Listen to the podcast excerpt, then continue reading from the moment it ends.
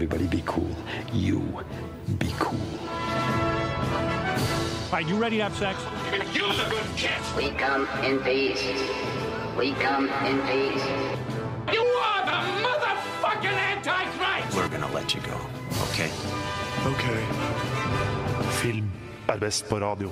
I'm gonna make him an offer he can't refuse. Nova Noir.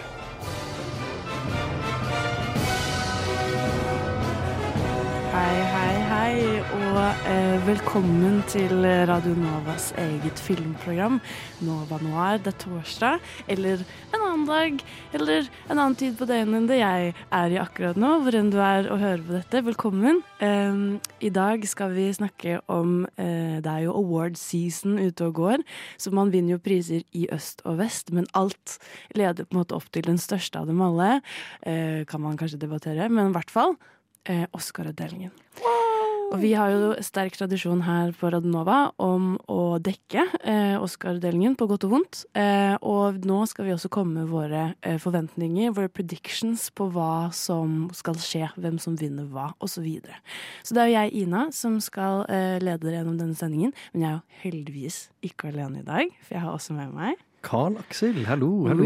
Hei. Det er din første Oscar-dekning. Ja, absolutt. Det Mm. er det. Jeg gleder meg veldig mye. Så det blir stas. Og så har vi også eh, Embla, som i tillegg til å uh, være trofast um, Oscar-fan. Oscar-fan, så er det også første gang du er på uh, Teknikken i dag. Jeg er tekniker! Så nå må alle bare legge sin lit eh, Ja. hos Embla, så kommer hun til å berge denne sendingen. Hvis lyden er skikkelig trash, så ikke si noe. Du kommer til å bli Jeg vil ikke vite det. kjempebra. Ja. Vi bare later som det ikke skjedde i så fall. Ja, vi hadde troen på deg, Emla. Ja. Tusen takk. Mm. Men så det er i hvert fall vi tre som skal eh, snakke om hva, hva vi eh, håper eller tror kommer til å skje da neste natt til uh, mandag. Altså, natt til 13.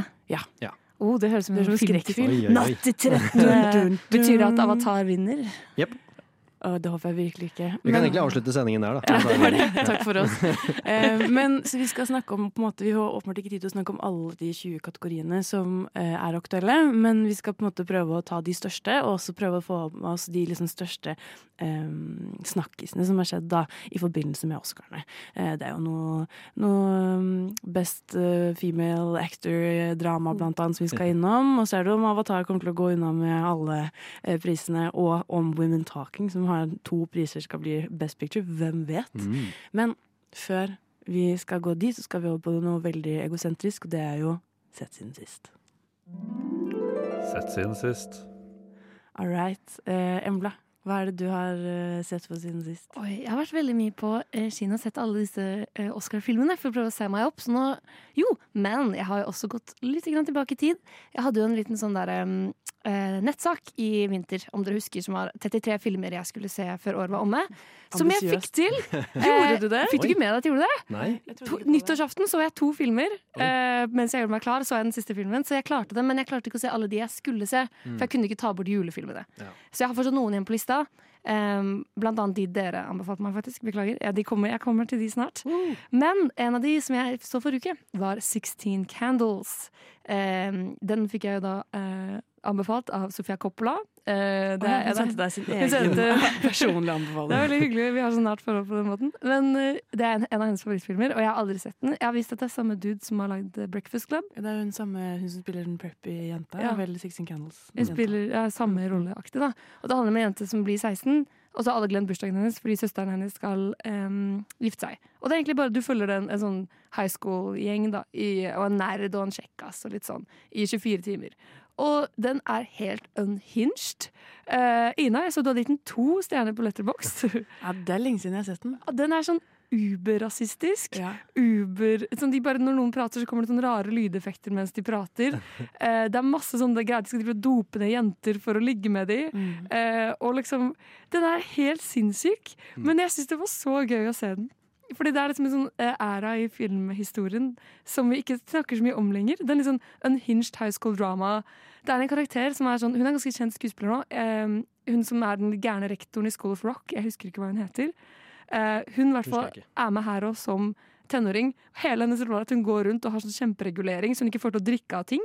Altså Hun får ikke til å drikke av vannautomater, hun bare går rundt og bare prøver å drikke hele filmen. og det er sånn, det er hele hennes funksjon. Det er så rar film. Men sånn, se den eh, gjerne på vors eller noe sånt. Eller, sånn, når du skal, liksom, eller med en venn eh, når du drikker noen øl. For den er veldig på en måte, morsom på en veldig veldig rar måte. Mm. Så anbefales. Jeg søkte bare Watch Free. Eller det skal jeg kanskje ikke si på radio. men, støtter Men piratkopiering. Men det var for den ligger ikke ute noe sted. Det Eh, grunn til hvis du søker kanskje. Watch Free, så Høres jo ikke så bra ut, egentlig. Da, Tror du det blir en remake av den? Uh, Jeg trodde jo det hadde blitt det, for jeg trodde jeg hadde sett remaken. Men den het 16 Candles og gikk på Disney Channel med Debbie Ryan. Og jeg trodde det var samme film. Det var det ikke. Så til alle som har trodd at de også har sett remaken, den fins ikke. Men eh, veldig artig. Ja, Mm. Anbefales. Hva med deg, Aksel? Jeg har sett veldig mye, i hvert fall nå til å liksom gjøre meg litt klar til Oscaren og sånn. Uh, men jeg så The Whale, blant annet. Den så jeg nå nylig, som jeg også skrevet en liten anmeldelse om. Mm, Eh, Slide inn på radnova.no. Ja, Name drop. Uh, Den syns jeg var eh, OK. Jeg syns Brennan Frazier gjorde seg godt i den. Vi kan jo prate litt mer om det etterpå. Ja, det er egentlig. spoiler nå. Det er spoiler, ja.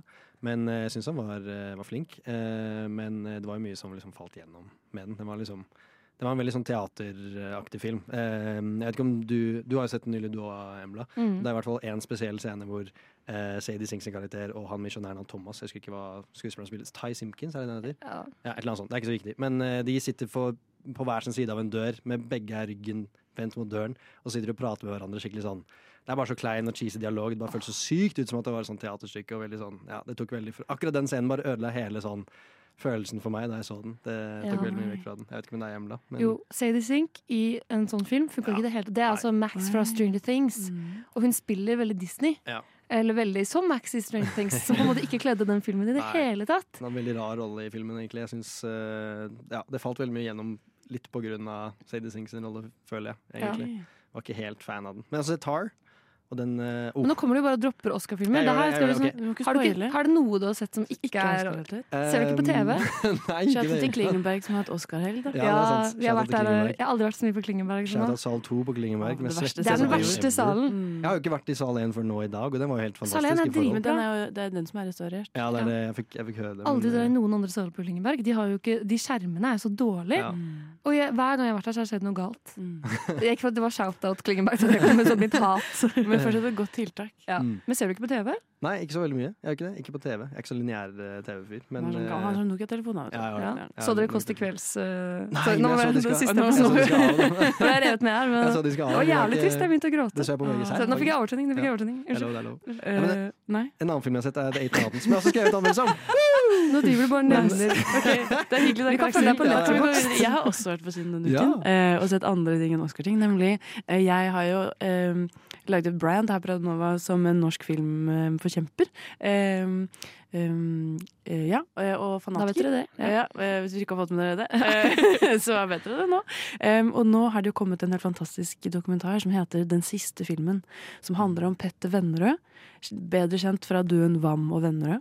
Ja. Eh, Vam døde jo for noen år siden, eh, og eh, i 2017 eller 2018 så fikk Petter Vennerød eh, parkinson. Mm. Som er at du mister jo eh, funksjonsevne og eh, ja, du forterver på eh, sakte, men sikkert, da. Eh, Så han begynner, han sier det til kona si, han vil gjøre én siste ting, og han har én film igjen, og det er denne dokumentaren som handler om egentlig hans liv og virke, og hans samarbeid med Vam. Som er, hvis eh, du noen gang har lurt på om du skal se en Hva og venner-film, så er det denne filmen du skal se for å bli overbevist. Fordi jeg har sett noen av de, jeg har ikke sett alle, jeg har egentlig bare sett eh, Adjø solidaritet, Mm. eh, som er en helt rå film. Um, men eh, den, det den gjør her, er at den løfter liksom alle filmene på en helt sånn utrolig vakker måte. Eh, og jeg vil jo bare advare at eh, selv om man får veldig lyst til å se de filmene, så er de jævlig tunge. De er jævlig trege og seige. Eh, og det er mye rar humor inni der. Men det som er kult med han, er at han, har liksom et, han er nesten et sånn skeivt ikon. Eh, Vennerød. For han har sånn, i de tidligere filmene De har for det første veldig mye homofil tematikk eh, i alle filmene sine. Og han er ofte skuespiller selv og har på seg drag. Eh, og liksom kline med både jenter og gutter. Og veldig mye sex da, i alle Vennerød-filmene. Eh, svært mye. Eh, og det var egentlig bare veldig kult da, å se hvordan de har forsøkt bare å lage sin kunst, og hvordan på en måte hele det norske folk har vært sånn eh, Dere suger. Men det er bare kritikerne som har gjort det. Eh, Ah. Fordi filmene deres var jo suksess. Det var sånn 200 000 som så en Vam og venner og film. Det er mange flere enn noen som ser en film nå. Det er det. Mm. Eh, så de hadde en helt annen status, og jeg føler at de har liksom blitt eh, ja, redusert til ryktet sitt. Um, så jeg anbefaler alle å se den. Du kommer til å gråte masse. Uh, og du blir veldig, veldig glad over uh, at de har fått lov. Um, og uh, man blir veldig inspirert til å se en norsk film. Mm. Så det er verdt å ta en titt, Ja. tenker. Og han døde jo dessverre i 2020. Eh, så de er alle Begge er borte. Mm. Eh, men eh, siste anbefaling, fordi, nettopp fordi denne filmen kommer, så skal også Nasjonalbiblioteket restaurere alle filmene. Og de skal gå på kino. Wow. Eh, så nå i mars så skal fem utvalgte eh, gå på kino, og så kommer, er planen at alle, alle sammen skal bli restaurert. Å, det er så kult. Da skal vi, skal vi ha sending Ja, om det. kjempe- det var gøy. Oh, ok. Det hadde jeg elsket okay. å ha. Men, eh, så det er i hvert fall eh, oss. Dette er det vi har gjort ved siden av å forberede oss på Oscarene. Det er det som er vanskelig, er at det er ikke så mye av Oscar-filmene som er tilgjengelige eh, for oss nordmenn eh, på lovlig vis. Um, men heldigvis var det Klingberg som gjorde at vi kunne se mye av det vi skal snakke om i dag. Nova Noir. Nova Noir. Uh, Nova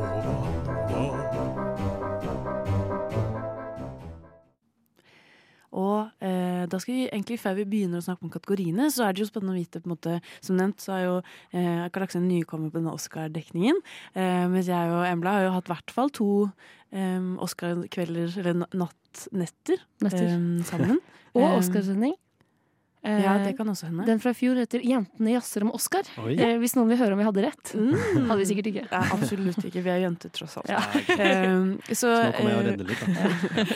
eh, så vi eh, har jo på en måte åpenbart et eh, tydelig forhold, men hva med deg, Klaksel? Hva er ditt forhold til Oscar-utdelingen? Eh, Oscar-utdelingen har egentlig bare vært noe jeg har liksom fulgt med litt med på i etterkant. Aldri liksom Mm. vært så mye forberedelser og sånn. Nei, ikke Mm. aldri live, faktisk. I det hele tatt. Så det blir mitt, jeg er liksom, dommen blir tatt nå, så det blir litt spennende. Um, Jeg er glad vi kan være med på det. ja, ja, ikke sant? Det er veldig, det er virkelig, Jeg veldig valgt dere til å være med på det. Det er, er veldig hyggelig. Nei, men um, det er mer noe jeg liksom har lest i, om i etterkant, og så har jeg liksom fulgt med på liksom de store kategoriene. Ikke brydd meg så veldig mye om det sånn um, noe dypere, da. Um, Men føler du at det har hatt noe å si for Eller sånn, har, følger du med på hvem som vinner og sånn? Så Ja, ja. har det noe å si? Det, oi, eh, det er et stort spørsmål. Det Men synes for jeg- deg, da? For meg eh, lite, men eh, det har vært veldig gøy å liksom, følge med på hva eh, Jeg føler jo liksom, The Academy er jo liksom eliten eh, innenfor det, så jeg føler liksom eh, Det er jo de som liksom, styrer Hollywood litt, og det er litt gøy å se hva de tenker om alle disse filmene. Selv om det liksom ikke har påvirket mine filmfavoritter. Selv om kanskje The Revenant er kanskje den eneste jeg kan se for meg liksom, har ordentlig eh, tenkt mye på i etterkant som hm, den burde jeg sjekke ut. Og så så jeg den, og så var den bra. Og så, eh, Men ja, jeg har liksom ikke hatt så veldig sterkt eller religiøst forhold til, til Oscarene. da. Jeg føler ikke liksom det har stått meg så nært, egentlig. Men i år har jeg vært veldig investert, faktisk. Jeg synes det har vært veldig gøy. Så Hva har vært annerledes i år, tror du? eh, mest at det har vært bra filmer eh, som er. Eh, men For også- a change. ja, jeg har jeg har vært veldig glad i mange av filmene som har, eh, som har blitt nominert i år. Eh, og mange filmer jeg ikke har vært glad i i det hele tatt. Som jeg føler er, det er relativt salig blanding. Men sånn I fjor føler jeg veldig mange falt veldig av. I hvert fall på vinnerne. Ja, I fjor var det veldig dårlig Oscar-år. Ja, det har jeg også hørt. Eh, jeg var veldig enig med Drive My Car i beste internasjonale film. Den syns jeg var veldig veldig bra. Mm.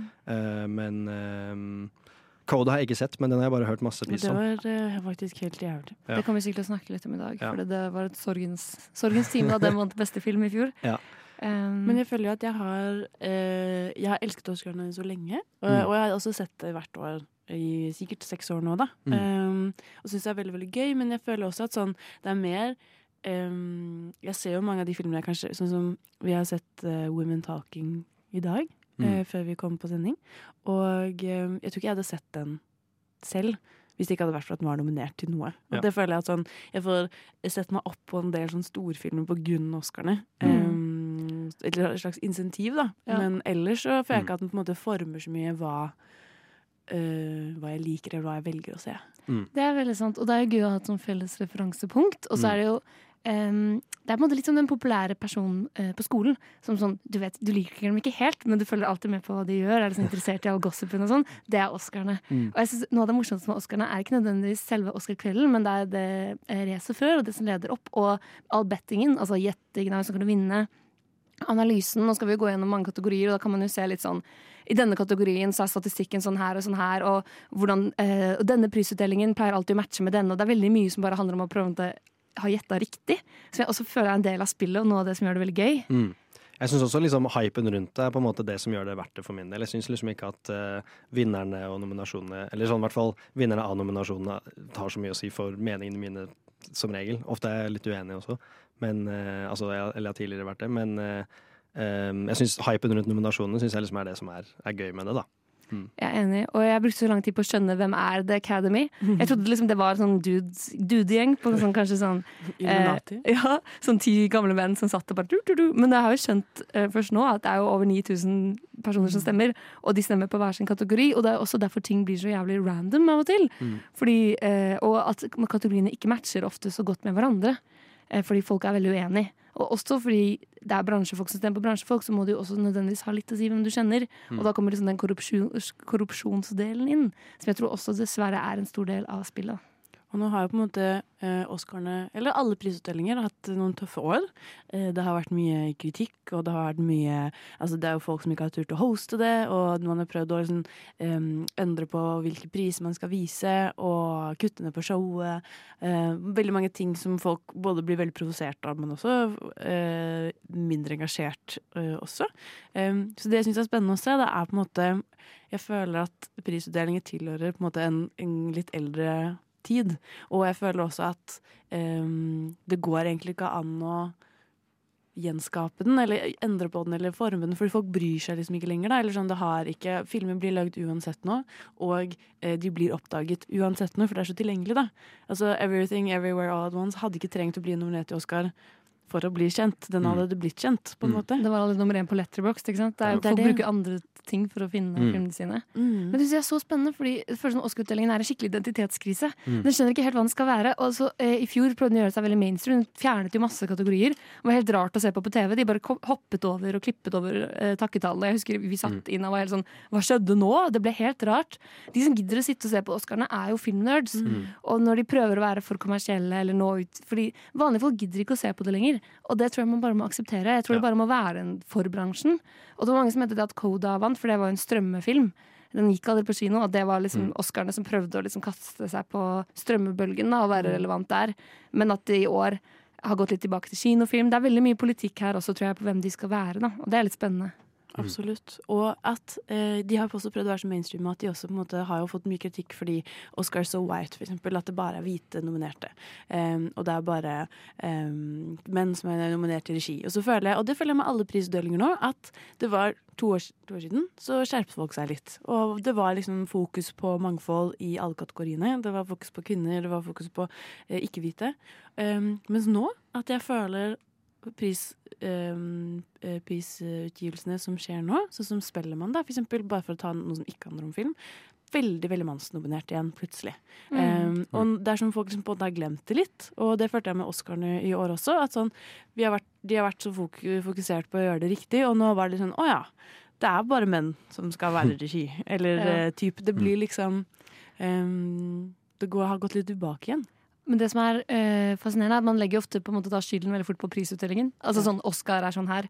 Og, men det er jo, Oscar nominerer jo bare de filmene som på en måte er Oscaren er jo en representasjon av bransjen, så det er jo bransjen man må gjøre noe med. Oscar har jo prøvd å lage regler som nå skal gjøre at du må fylle opp sånne og sånne krav for å i det hele tatt få lov til å bli nominert, og det er jo mange spesielt sånn subjekter sånn skikkelig imot. Mm. Uh, jeg syns det kan være veldig fint. Det handler jo mye om ting som skal være bak. Altså du skal ha så så mange kvinner i crewet, f.eks. Ja. Det er- kan jo faktisk endre bransjen. Eh, men det er sånn samme med Spellemann. Du ser jo det på topp 50 òg. Det er bare dudes. Uh, så jeg føler at det er et viktig sånn Mm. Det er en viktig pekepinn på bransjen og de problemene man skal eh, Man ser der. Men det å liksom være sånn Oscar må nominere annerledes eh, Vi burde gå til produsentene, og de må putte pengene sine i andre filmer og andre typer ideer. Det er jo egentlig der problemet ligger. Så det å bare skylde på sånn Oscar-hosten og sånn, og liksom gjøre det til en sånn stigmatisert greie, føler jeg nesten bare gjør det verre. Det er helt rett. Eh, og eh, veldig enkelt å bare peke finger ett sted. Men vi skal også peke fingre Mange eh, på mange steder. På hverandre, på, eh, på de forskjellige nominerte. Eh, for det, det jeg syns er aller best med Oscarene, er jo eh, gjetting. Eh, min eneste mulighet i verden til å vinne ting eh, er også når det kommer til filmrelaterte ting. Eh, så det er her jeg briljerer. Eh, og det er det det handler om. Alltid handler om å vinne. Så vi skal snakke om våre predictions, eh, og, eh, men aller først så skal vi også bare prate om alle de andre prisutdelingene som skjer akkurat nå. Fordi folk vinner jo ting, som nevnt, overalt. Det, er en, det har vært Jeg føler jeg, hver gang jeg går inn på Instagram, så ser jeg liksom fire-fem forskjellige prisutdelinger som har vært denne uka. Eh, så kanskje de også er med på å pe ha noen pekepinner på hva som kommer til å eh, skje på Oscarene. Men eh, vi skal høre en liten låt først, eh, og det er 'Full of Days' av The Prest. Lyssna istället till Radio Nova. All right, all right, all right. Da skal vi eh, gå over på eh, andre prisutdelinger som også skjer samtidig. Um, og det er mange av dem. Uh, og de liksom, største er vel ja, det er åpenbart Oscarene. Og så har du Golden Globes, og du har BAFTA, den britiske.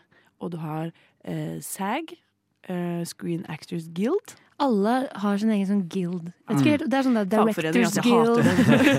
Jeg føler eh, SAG og sånn er kanskje litt mer intern, da. Og eh, WGA òg. Litt sånn intern liksom for Ja, det er altså- for den ene Det er liksom for skuespillere. Ja. Eller for regissører. Også for eh, screenwriters og Men de kan jo si en del for Oscarene, da. For Ja. det er mange av de Ja, ja. samme folka som stemmer. Det er sant.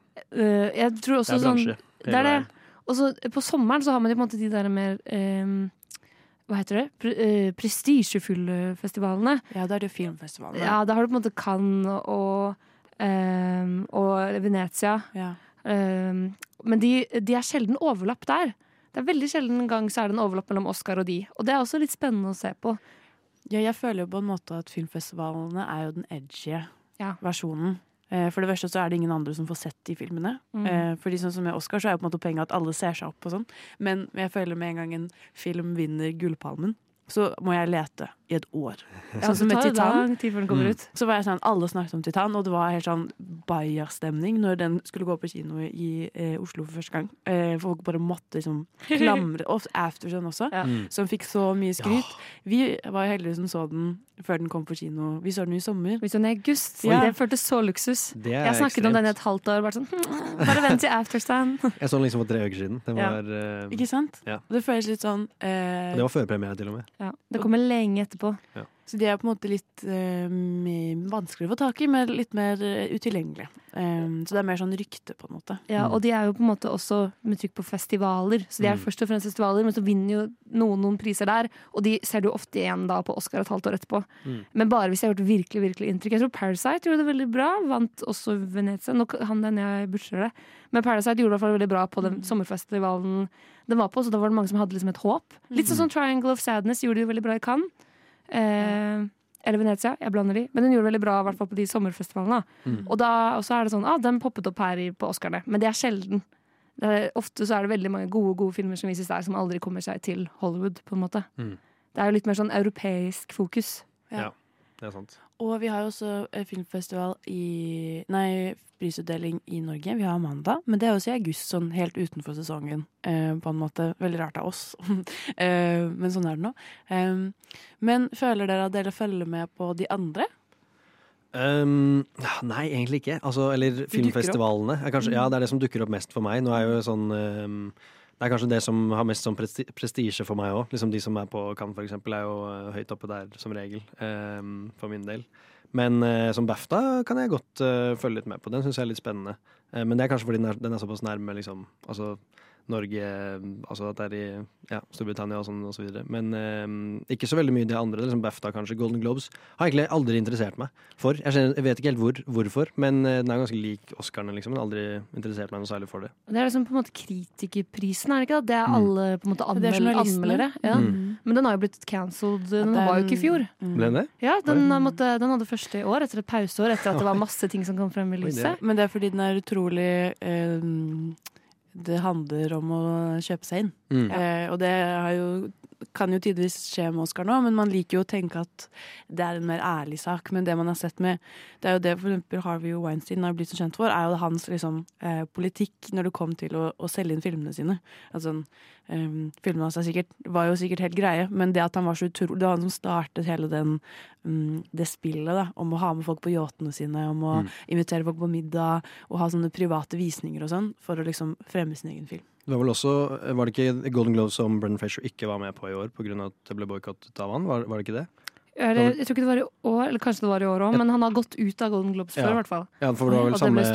Hvorfor det? samme hva skal jeg si, eh, eh, eh, bransjefolk som hadde cancelled han, eller fjernet han fra Hollywood i det hele tatt til å begynne med, tror jeg. Som, det var vel de, den familien bak Golden Nei, ja, det var en familie som hadde sponset Golden Globes, tror jeg. Og de, de er fortsatt en stor sponsor, og de tar imot masse penger av denne familien. Og det er den familien som også eh, gjorde at uh, Brennan Fresher liksom kom seg ut av Hollywood, tror jeg historien var, hvis jeg ikke husker helt feil. Han ble jo på en måte, for de som ikke vet, eh, litt cancela av Hollywood fordi han snakket om sine egne metoo-erfaringer. Altså han hadde blitt utsatt for overgrep, snakket opp, og da fikk han ikke flere jobber i Hollywood før nå, da. Det kan vi jo komme litt tilbake til. Oi, på det er spennende. Ja, det er spennende. Eh, Jeg har bare fått med meg nå pga. dette med The Whale og all hypen han får nå. Men, så det er, mye, det er jo veldig mye korrupsjon i Hollywood. Og det er kanskje litt derfor jeg liker de europeiske filmfestivalene litt bedre òg, for da føles det mer som det handler om faktisk filmene. Og at en liten film som er Aftersun kan gjøre det så stort, da. Mens i, her så er det jo veldig sånn Det er sjelden at en liten film gjør det dritbra i, på Oscarene. Eh, og det handler jo mye om at den liksom Ja, dette er en Oscar-film. Eh, noen er på en måte rett inn, og det er jo litt irriterende. Eh, men vi følger jo med, da. Og det føles jo vi, eh, vi bruker masse tid på det, så de har jo litt makt, selv om man på en måte fort avskriver de og kaller det teit. Enig. Så det er jo eh, Jeg føler at de Og man sier jo også at det på en måte er en pekepinn for hva Men jeg vet det er noen regler på det. At jeg tror at hvis noe vinner på BAFTA, så kommer det ikke til å vinne på Oscarene.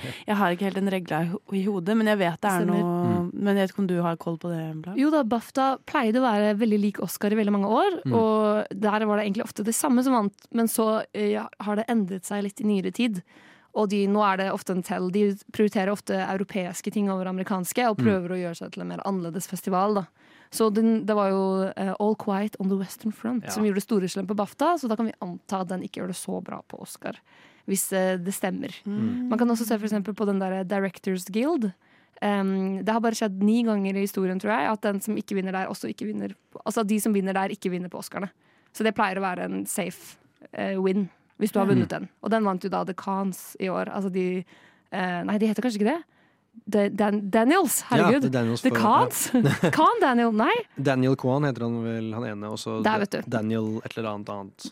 The Daniels. Ja. The Daniels vant. Ja. De eh, vant eh, Directors Guild. Så da er det sannsynligheten jævlig svær for at de vinner Director på Mm. Oscar. Er det sant? Mm. Så det er masse statistikk her som kan påvirke predictions litt, da. Er det noe annet som har eh, Unnskyld. Eh, Banshees har jo også vunnet en del på BAFTA, så det er jo, altså, det er jo litt lokalt, holdt jeg på å si. Mm. Og litt betent også, kanskje. Irsk historie og Mm. det britiske. Mm. Men eh, altså så det kan jo hende at de eh, ikke vinner så mye på, på Oscarene. Eh, det kan jo Ja, for de, gjorde det. de har blitt nominert til så mange ting Ja, på Oscarene, som ja. er nesten litt overraskende. To på eh, supporting eh, male actor. Det er ganske ekstremt. Barry jeg- Keegan og Brenning Leeson. Er, jeg tror det er fordi han er jo veldig um, anerkjent, han regissøren. Martin Eh, McDonagh, ja. Men han er også, den filmen er jo veldig smal. Eh, Ja. Så jeg tror det er mer sånn eh, konseptet, eh, tommel opp. Eh, faktisk filmen tror jeg ikke kommer til å Mm. Eller Jan så mye. Men er det noen andre ting vi burde vite om sånn, hva som, noen som har vunnet her, som kommer til å vinne, ikke kommer til å vinne her? Det kommer sikkert regne gjennom uh, de forskjellige kategoriene her, så Mm. vi kan jo gå litt mer inn på det da. Men Mm. generelt så pleier vel ikke Golden Globes, BAFTA og Oscar å overlappe så veldig. Mm. Uh, best film på Golden Globes, vet dere hvem som fikk den? Nei Golden Globes? Ja. Mm. Var det Fablemans, lurer jeg på? Det De tror jeg Men var jeg tror ikke Golden Globes har vært i år. Jo da. Austin Butler vant jo for Elvis. januar, det er sant De vant beste dramafilm, i hvert fall, The Fablements. Men Ja. eh, Mm. Det kan jo bety at den ikke vinner, vinner her, da.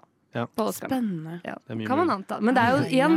Det er mye statistikk her, men alt kan skje. Ja. Eh, brøt alle statistikkene som pleier å være i fjor, så virkelig, ingen vet lenger. Helt jævlig. Men uh, spennende. Da kan vi egentlig bare si gønne litt på, tenker jeg, og hoppe rett inn i uh, prisutdelingene våre. Men jeg tenker også at det er gøy Vi skal ikke snakke spesifikt om kategorien beste låt, uh, men vi hadde veldig lyst til å spille alle de nominerte låtene. Eh, som eh, har muligheten til å vinne. Så eh, vi begynner. Før vi da skal over på Best foto straks, så skal vi høre låten fra Tell It Like a Woman. Og det er applaus av Sofia Carson. And the Oscar goes to. The Oscar goes to. And the Oscar goes to. And the Oscar goes to. And the Oscar goes to. Slumdog Billionaire. An American in Paris. Platoon. Birdman. Chariots of Fire. Driving Miss Daisy. Forrest Gump. From here to eternity. DG. Hamlet. Gandhi. Amadeus. Tom Jones. Ben Hur. Braveheart. American Beauty. The apartment in the heat of the night. Midnight Cowboy. Da skal vi over på første kategori. Woo! Og det er den som får lov til å åpne ballet, er beste foto. Eller cinematography. Eh, Det er litt poetisk, for det er sånn det første du ser. Ja, det er en god er en dramaturgi her. dramaturgi- Ja, dramaturgisk reise. Er ikke det første, hører man ikke lyden først? Uh, det spørs hvilken film. For eksempel Tar, da, hvor, Ja, ja, det- si hvor det er verdens lengste intro. Men uh, la oss heller gå rett på. Uh, de som er nominert, er James Friend for All Quiet on the Western Front. Eh, filmen Bardot, False eh, Chronicle of a Hand Handful of Truths. Alt for lang tittel. Ja. Darius Konji. Eh, Elvis, eh, som er eh, skutt av Mandy Walker. Og Empire Light sammen med Roger Diggins. Og til slutt Tar med Florian Hoffmeister. Så det er en, en femkløver her. Eh, med mye forskjellige folk, egentlig. Uh, ganske forskjellige filmer, vil jeg også si. Um, jeg kan jo begynne da med å si at den jeg syns er mer sjokkerende, da, uh, og som jeg har minst tro på, er Elvis. Eh, Og Mandy Walker, Slay, kvinne. Ja, du er nominert. Godt for deg. Eh, men annet enn det eh, Så altså, sånn, det er en, en film man blir sjøsyk av. Men det er jo ikke eh, fotografens feil. Jeg syns det er mer sjokkerende at den er eh, nominert til klipp. Ja, Det kan jeg også være enig i, men jeg føler ikke at eh, det er nettopp fordi den beveger seg så mye, så Ja. føler jeg ikke at eh, foto, eller sånn at bildet får noe særlig mye fokus. Nei. Det gjorde i hvert fall ikke et inntrykk på meg. Nei. Mm. Det er ikke noe jeg sitter igjen med etter en film og tenker wow, for noen bilder. Mm. Eh, Så da er jeg for så vidt enig. Her kan jeg stille veldig dårlig, Fordi dette er den kategorien jeg tror jeg har sett færrest av filmene. Ja. Eh, Jeg skal se Tar neste helg, dessverre. Men dere har jo eh, Basert på traileren da, syns jeg Ja. det ser ut som en veldig visuelt spennende film. Ja. Er det en favoritt for dere? Ja. Ja, personlig favoritt, i hvert fall. Jeg er håper uh, av de som er der nå Jeg har heller ikke sett uh, Jeg har kun sett Elvis og Tar av de nominerte. Uh, men jeg syns, bare basert på utseendet med en gang, så tenker jeg at Tar er min foretrukne, i hvert fall. Ja. Nei, jeg er helt enig der. Eh, Jeg har også sett All Quiet on the Western Front, men jeg har ikke sett noen av de andre nominasjonene. Jeg skulle ønske jeg hadde sett Bardot, for den ser liksom litt spennende ut. Mm. Men, eller jeg så de første, den åpningsscenen, men det er jo en scene hvor en baby blir plassert tilbake i livmoren til en kvinne, så den Du sa nei takk. Ja, jeg har sluttet etter det. Men det eh, fotografiet vil ikke du ha noe med Nei. for å si det sånn. Veldig spennende. Vågalt, i hvert fall. Å begynne sånn. Men uh, Tar er liksom favoritten min, uh, syns jeg. da Jeg har sett All Quiet on the Western Front, og den, det var liksom ikke mm, ja, noe visuelt spetakkel for min del. Jeg syns ikke den var så sto, altså stor på foto, egentlig. Eh, Bettinglistene, og det skal nevnes, de oppdaterer seg hele tiden, men per i dag eh, Embla har et spillproblem. Ja, Ja, bare så vi er klar over det. Oddsene nå, slik det ser ut på flere steder, er at det er den som kommer til å vinne. Ja. Ja. All Quiet. Ja. Og det er jo ikke sjokkerende. All jeg. Quiet? Ja, All Quiet oh. Tar? Nei, nei, ikke Tar. Eh, Ina, har du sett på filmer som har vunnet denne kategorien før? For her handler det virkelig bare om jo mer større, liksom, jo større, jo mer krigsfilm, jo bedre. Men sa ikke du nettopp at den vant masse et annet sted, så den kommer til å vinne her? Jo, men jeg tror ikke den vant uh, cinematografi. oh, ja, så den den prisen? Altså, den vant jo regi og beste film i, på BAFTA. Ja. Men jeg tror absolutt hvis den skal vinne noe her, så er det kanskje foto. Hvis du tenker at 1917 det var en av de få prisene den fikk. Eh, Inception har vunnet denne kategorien. Det har aldri vært en sånn liten indie Ok, nå skal jeg ikke si aldri. De siste eh, ti årene. Mm. En litt sånn mindre indie-film. Eh, sånn à la Moonlight. Tar er ikke mindre Nei, nei, men nå snakker jeg bare sånn Altså generelt sett, da. En, vært en litt sånn mindre film som har vunnet denne kategorien. Det er alltid Ja. de storslåtte, dyre filmene som vinner. Um, for eksempel så vant jo til og med Avatar i 2009. Så apropos, veldig mange som er kjempesure for at den ikke er nominert her. Hva tenker dere om det? Det er jo ikke noe bilder, det er jo data. Ja. Jeg syns den ikke fortjener å bli nominert til noen ting, men eh, jeg syns jo eh, ikke foto, i hvert fall. Hvis den først skulle vært noe, noe, så burde det jo være eh, visual effects og sånn. Mm. Absolutt. Det er jo ikke noe med Den er vel ikke Den er ikke nominert der heller, tror jeg. Det. Men det skaper jo en helt ny debatt for fotokategorien. Da. Ja. Fordi ikke sant, Det er jo fortsatt komponerte bilder her. Hvor går grensene? Og eh, våre venner i Filmfrelst, eh, podkasten, mente at dette var Oscar som tar stand, altså, tar stand bort fra Mm. eh, VFX og liksom andre fotografer som viser at Ja. det har ikke vi noe respekt for. Det kan jeg Men- være enig i, helt ærlig. Det har de gjort i mange år. Eller sånn, det er en grunn til at en Marvel-film aldri, utenom Black Panther, har vært eh, oppe for noen priser. For det er Eh, lavkultur. Ja, Mm. ikke sant? Og det er jo også eh, der hvor eh, Og det, man sammenligner jo Avatar med eh, Marvel blockbuster-filmer. Eh, så det er jo på en måte det er en storslått film. Og det er mange sånne kommersielle filmer i miksen her, men det, Avatar er jo blitt kino, kun kino-popkornfilm. På en måte. Men det var vel den første, og- og den vant jo denne kategorien. Men Så da det var den revolusjonerende, da. Ja. Det var jo et helt annet, eh, en annen situasjon. Og han, også Mm. eller han har jo også brukt ny teknologi her, og det har vært viktig, på en måte. Men den her har ikke vært like banebrytende eller like god som den første var. Nei. Jeg, jeg syns den egentlig bare var liksom, eh, fin å se på. Jeg syns ikke det var noe sånn storslått sånn cinematografisk med den. Jeg syns den var litt sånn kjedelig. Altså Ja. Fine farger og liksom Ja, vibrant, liksom. Men eh, ikke så veldig mye mer enn det. Den var ganske Altså- kjedelig å se på sånn fotomessig, da, syns jeg. Komposisjonene, på en måte. Ja. Ja, jeg uh, er veldig skuffet over ikke å se The Fablemans her. Mm.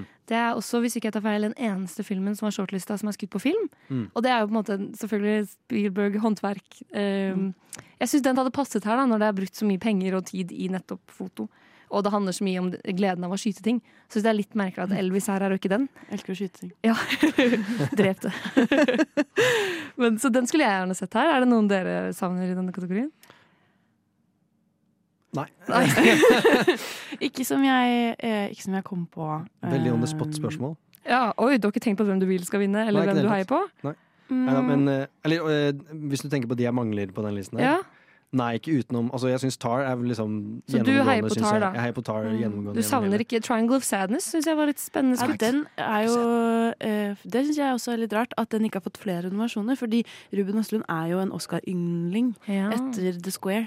Uh, og det at han Jeg tror han bare har fått for um, internasjonal og en til, uh, hvis jeg ikke husker helt feil. Og det tror jeg, syns jeg var sånn overraskende å få. Med tanke på at Mm. Druk, eh, eller Et glass til, fikk ganske mye flere nominasjoner, hvis jeg ikke husker helt feil. Mm. En film jeg faktisk kommer på, er The Eight Mountain. Syns jeg faktisk har veldig fin foto. Men jeg tror ikke den gjelder Eh, den gjør ikke det, nei. Nei, den kommer jo nå. Eller i Norge. Ja, du, Ja. du aner ikke når den kommer Nei, den, var, den var jo på Cannes da, eh, i fjor. Den vant jo juryprisen på Cannes. Oh. Eh, så jeg tror den hadde gjeldt. Den var jo ikke, den er jo ikke nominert til noe. sikkert. Annet enn Den vant jo bare juryprisen på Cannes, tror jeg liksom er den eneste oppnåelsen den har fått. Men eh, Mm. den føles veldig sånn Oscar-fotobate ut, nesten. da til å være, altså Den var veldig mm, det er jo, den, den viser jo Alpene veldig fint og sånt, men Ja. eh, ja, Mm. nei, jeg vet ikke. Men eh, den er jo for internasjonal, den. vet du. Ja, ja, sant. Men uh, spennende. Uh, det er i hvert fall uh, Vi har noen favoritter her. Uh, Tar, men Nei, ja, for vi må jo si hvem vi tror. For nå har vi bare sagt hvem vi håper. ja, du, Nå har jeg satt oddsen. du har sagt oddsen, så Men Ja. oddsen endrer seg hele tiden. Hva, hvis vi skal være litt yolo, da. Eller jeg, jeg tror jo den vinner uansett, da. Og nå kan- tror jeg også at det blir det. Ja, jeg skal, egentlig skal jeg si oddsen til slutt, etter dere har gjettet. Men selv om jeg ikke har sett eh, Bordeaux, så tror jeg faktisk den kan vinne. Eh, jeg, har, jeg har hørt veldig mange andre som sier at den er veldig sånn storslagen på foto. At den, Er det den eh, derre Joaquin Phoenix-filmen? Nei. Nei. Men han ser ut som Joaquin Phoenix. Okay, da er det- det er en rød, er sånn rød plakat. Mm. Men Ja, mannen ja, som går, det er men- ikke Joaquin Phoenix. Mm. Jeg så aldri den. Nei, ikke heller, men det er Nei. det. Jeg tror at uh, ingen andre enn filmbransjefolk syns den var kul.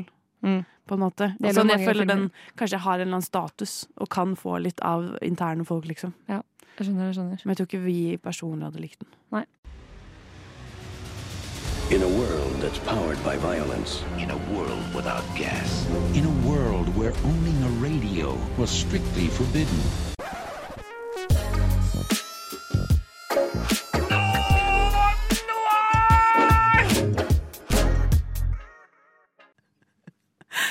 All right. Da skal vi på eh, beste manus, og det er jo to kategorier. Eh, både adaptert og også originalt.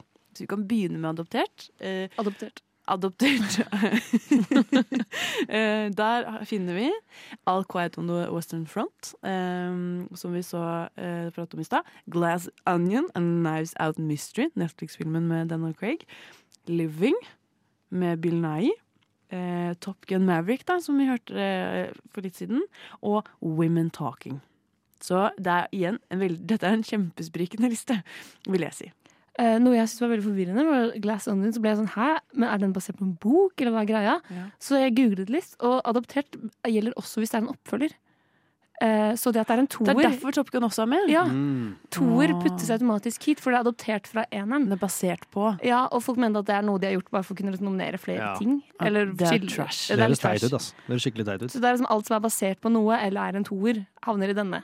Mm. For da er det plutselig ikke original av en eller annen grunn. Ja. Mm.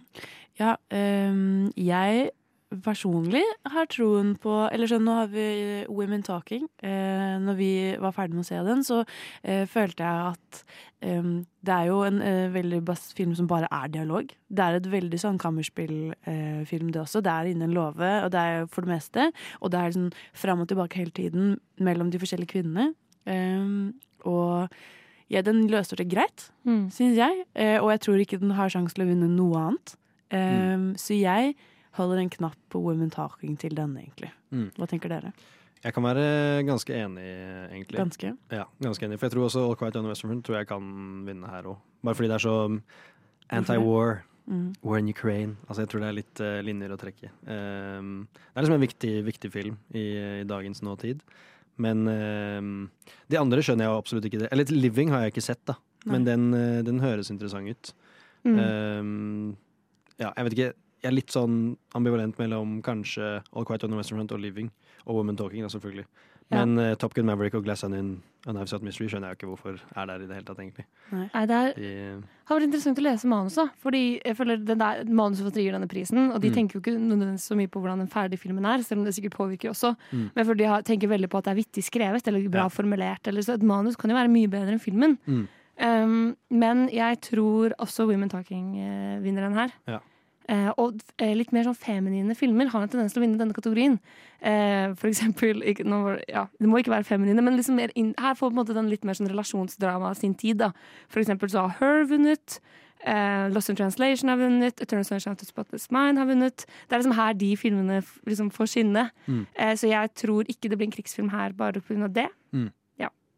Eh, vet vi er, er det noen kriterier til, til hva som blir valgt i manus? Er det liksom for Nei. eksempel Nei, det er bare Eller sånn eh, når de først er, Eller til å bli nominert, liksom. Ja, Kjenner vi liksom til kriteriene til det? Til nominasjonene? Eh, det Samme som alle de andre kriteriene. Ja. Altså, de blir sendt inn De Ja. havner på liste der du kan Ja, okay, stemme okay. på, og så er det så og så mange manusforfattere som leser manusene. Altså. Ja, ok, jeg skjønner. Ja.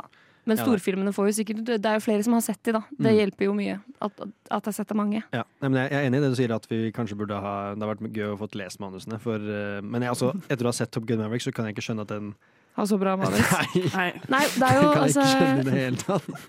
De kan stemme på 301 filmer i år. Ja.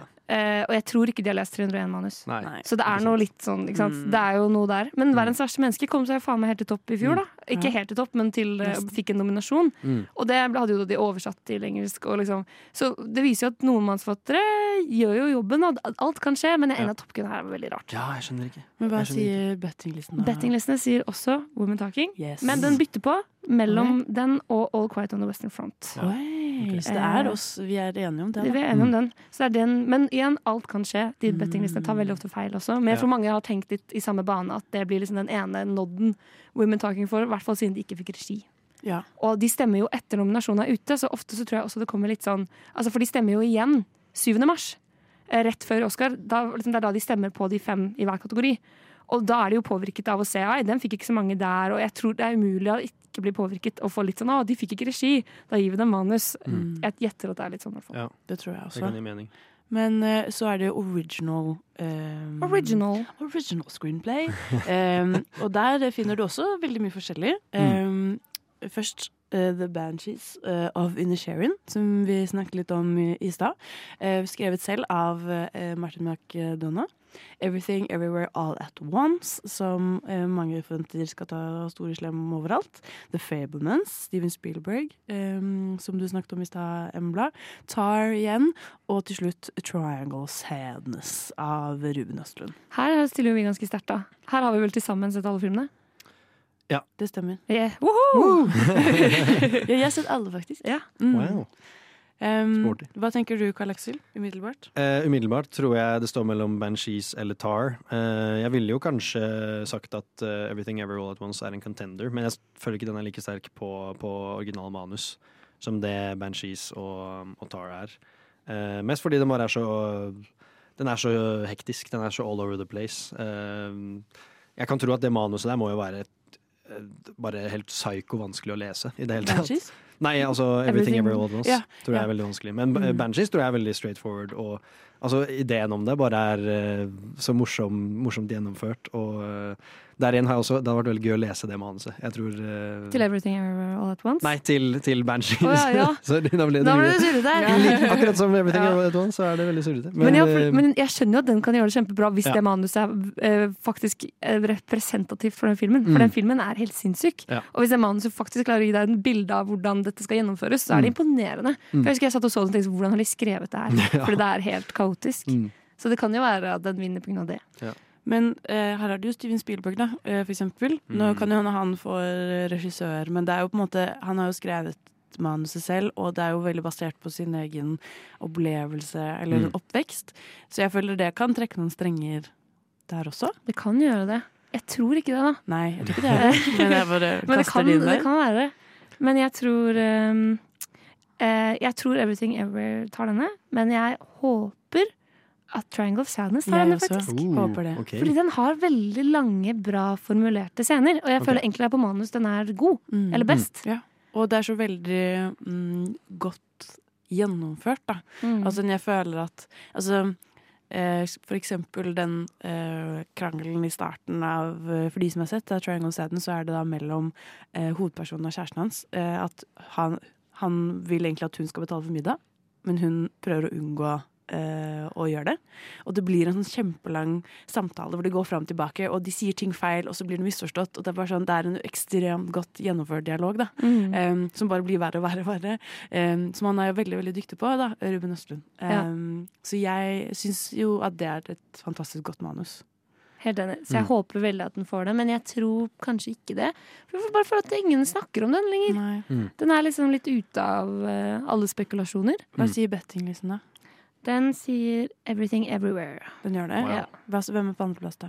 Uh, da må jeg ta den frem, i så fall. Men uh, Banshees, Banshees. Jo, jo, det er Banshees. Okay, ja. Jeg håper den vinner, altså, faktisk. Men det er nok noe fordi han også har skrevet den selv. At, em, ja. De har veldig sånn Flight 22-vibes, egentlig. Det er sånn, altså Dialogen der er veldig sånn gjentagende hele Ja. tiden, og det er veldig mye sånn Mm. det er, Den er så witty hele tiden. Og så er det jo det at filmen er basert på borgerkrigen i Mm. Irland. Mm. Og det i seg selv er sånn er jo nok til at folk kan være sånn Han er så smart, han har laget dette helt selv fordi Mm. han kan historie og sånn.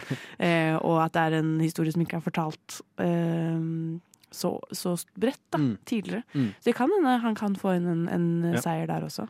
Jeg tror eh, Jeg håper jo tror at Banshees vinner mye, mye på Oscarene. Jeg håper det, egentlig. Jeg For tror tror ikke de vinner så mye, og jeg Ikke. håper ikke at de vinner så mye heller. Nei. Oi, wow.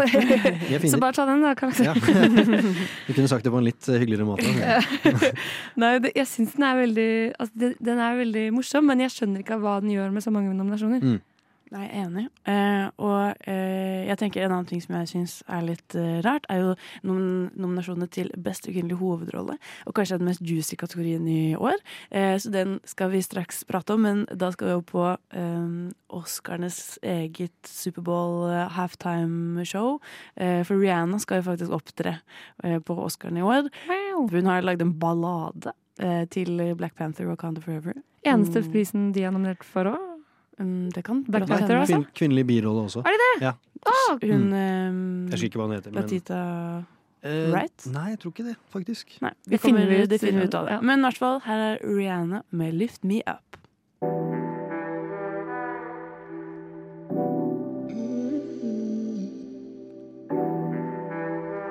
Nova. Nova. Nova Nova. Har du fucka med noen filmer i det siste? Har du fucka med noen filmer det siste?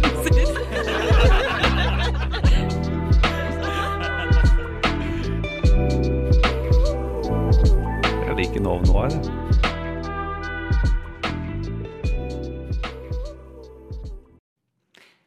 Da er det dags for beste kvinnelige hovedrollekategorien. Wow. Og eh, det er vel den mest omtalte i eh, årets eh, nominasjonsliste.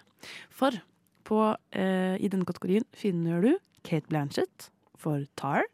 Eh, Anna de Armas for Blond. Hell yeah. Blond. Blond. Eh, som Marilyn Monroe. Eh, Andrea Riceborough eh, for To Leslie. Eh, Michelle Williams for The Fablements eh, og Michelle Yo, eh, Everything Everywhere All At Once. Så det man kan si, da, er jo at når nominasjonslistene kom, så var det mange som igjen da hadde bettet på hvem som skulle komme inn. Og da var det blant annet Viola Davis som sto på plakaten, og Angela eh, Bassett for Black Panther. Var også forventet at hun skulle få nominasjon for det.